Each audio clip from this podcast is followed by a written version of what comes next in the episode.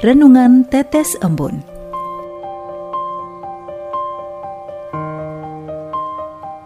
Sobat Katolikana yang dikasihi dan mengasihi Tuhan, kita berjumpa lagi dalam program Renungan Tetes Embun yang dipersembahkan oleh Radio Katolikana.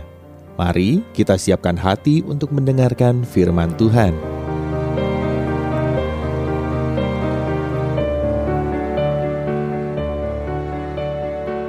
Renungan Tetes Embun, Kamis 20 Januari 2022.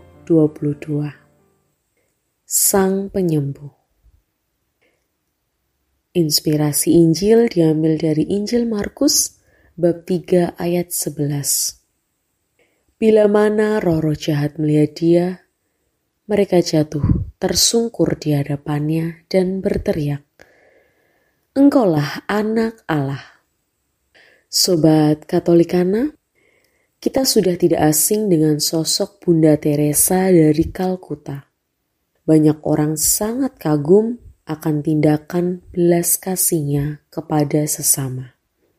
Suatu hari Bunda Teresa melihat seorang pria yang terluka parah dan lalat-lalat bertelur di lukanya. Satu dari kaki pria itu dimakan oleh belatung. Pemandangan itu sangat menjijikan. Baunya membuat mual. Namun, Bunda Teresa dengan segera memberi pertolongan kepada pria yang terluka itu. Ia mengeluarkan semua belatung, lalu membalut lukanya.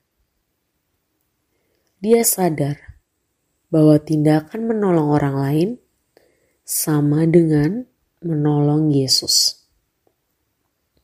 Saat pria itu diperban dan diberikan perawatan lebih lanjut, Bunda Teresa sempat mengatakan kepada suster yang masih pemula, "Bila saya tidak percaya dengan segenap hati dan jiwa bahwa tubuh orang ini adalah tubuh Yesus, saya tidak akan tahan."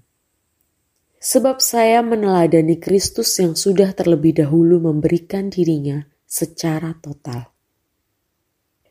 Bunda Teresa meyakini bahwa ia digunakan oleh Allah sebagai alatnya untuk menyalurkan belas kasih kepada sesama. Kisah Yesus menyembuhkan orang banyak membuat orang penasaran, sekaligus kagum akan sosok Yesus. Banyak orang datang kepadanya dan minta untuk disembuhkan. Yesus menyembuhkan orang-orang melalui kasih Allah yang hadir bagi mereka yang percaya dan berharap melalui imannya. Sisi kemanusiaan Yesus tidak akan tega melihat kondisi orang yang sakit dan membutuhkan pertolongan. Hati Yesus yang memancarkan kasih menggerakkannya untuk mengulurkan tangan dan menjamah orang-orang agar lekas sembuh. Hidup bersama Yesus tiada yang mustahil baginya. Kita serahkan segala penyakit dan permohonan hanya di dalam namanya.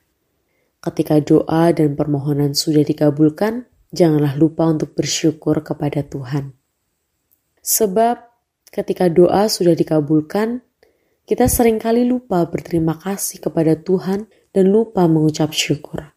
Tuhan senantiasa mendengarkan segala permohonan dan menanti kita untuk datang kepadanya. Marilah kita berdoa. Tuhan, Engkaulah satu-satunya juru selamat yang selalu mendengarkan doa-doa kami.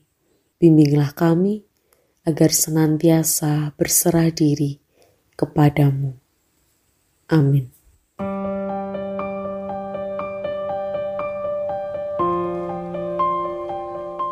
Demikian, Anda telah mendengarkan Tetes Embun yang dipersembahkan oleh Radio Katolikana.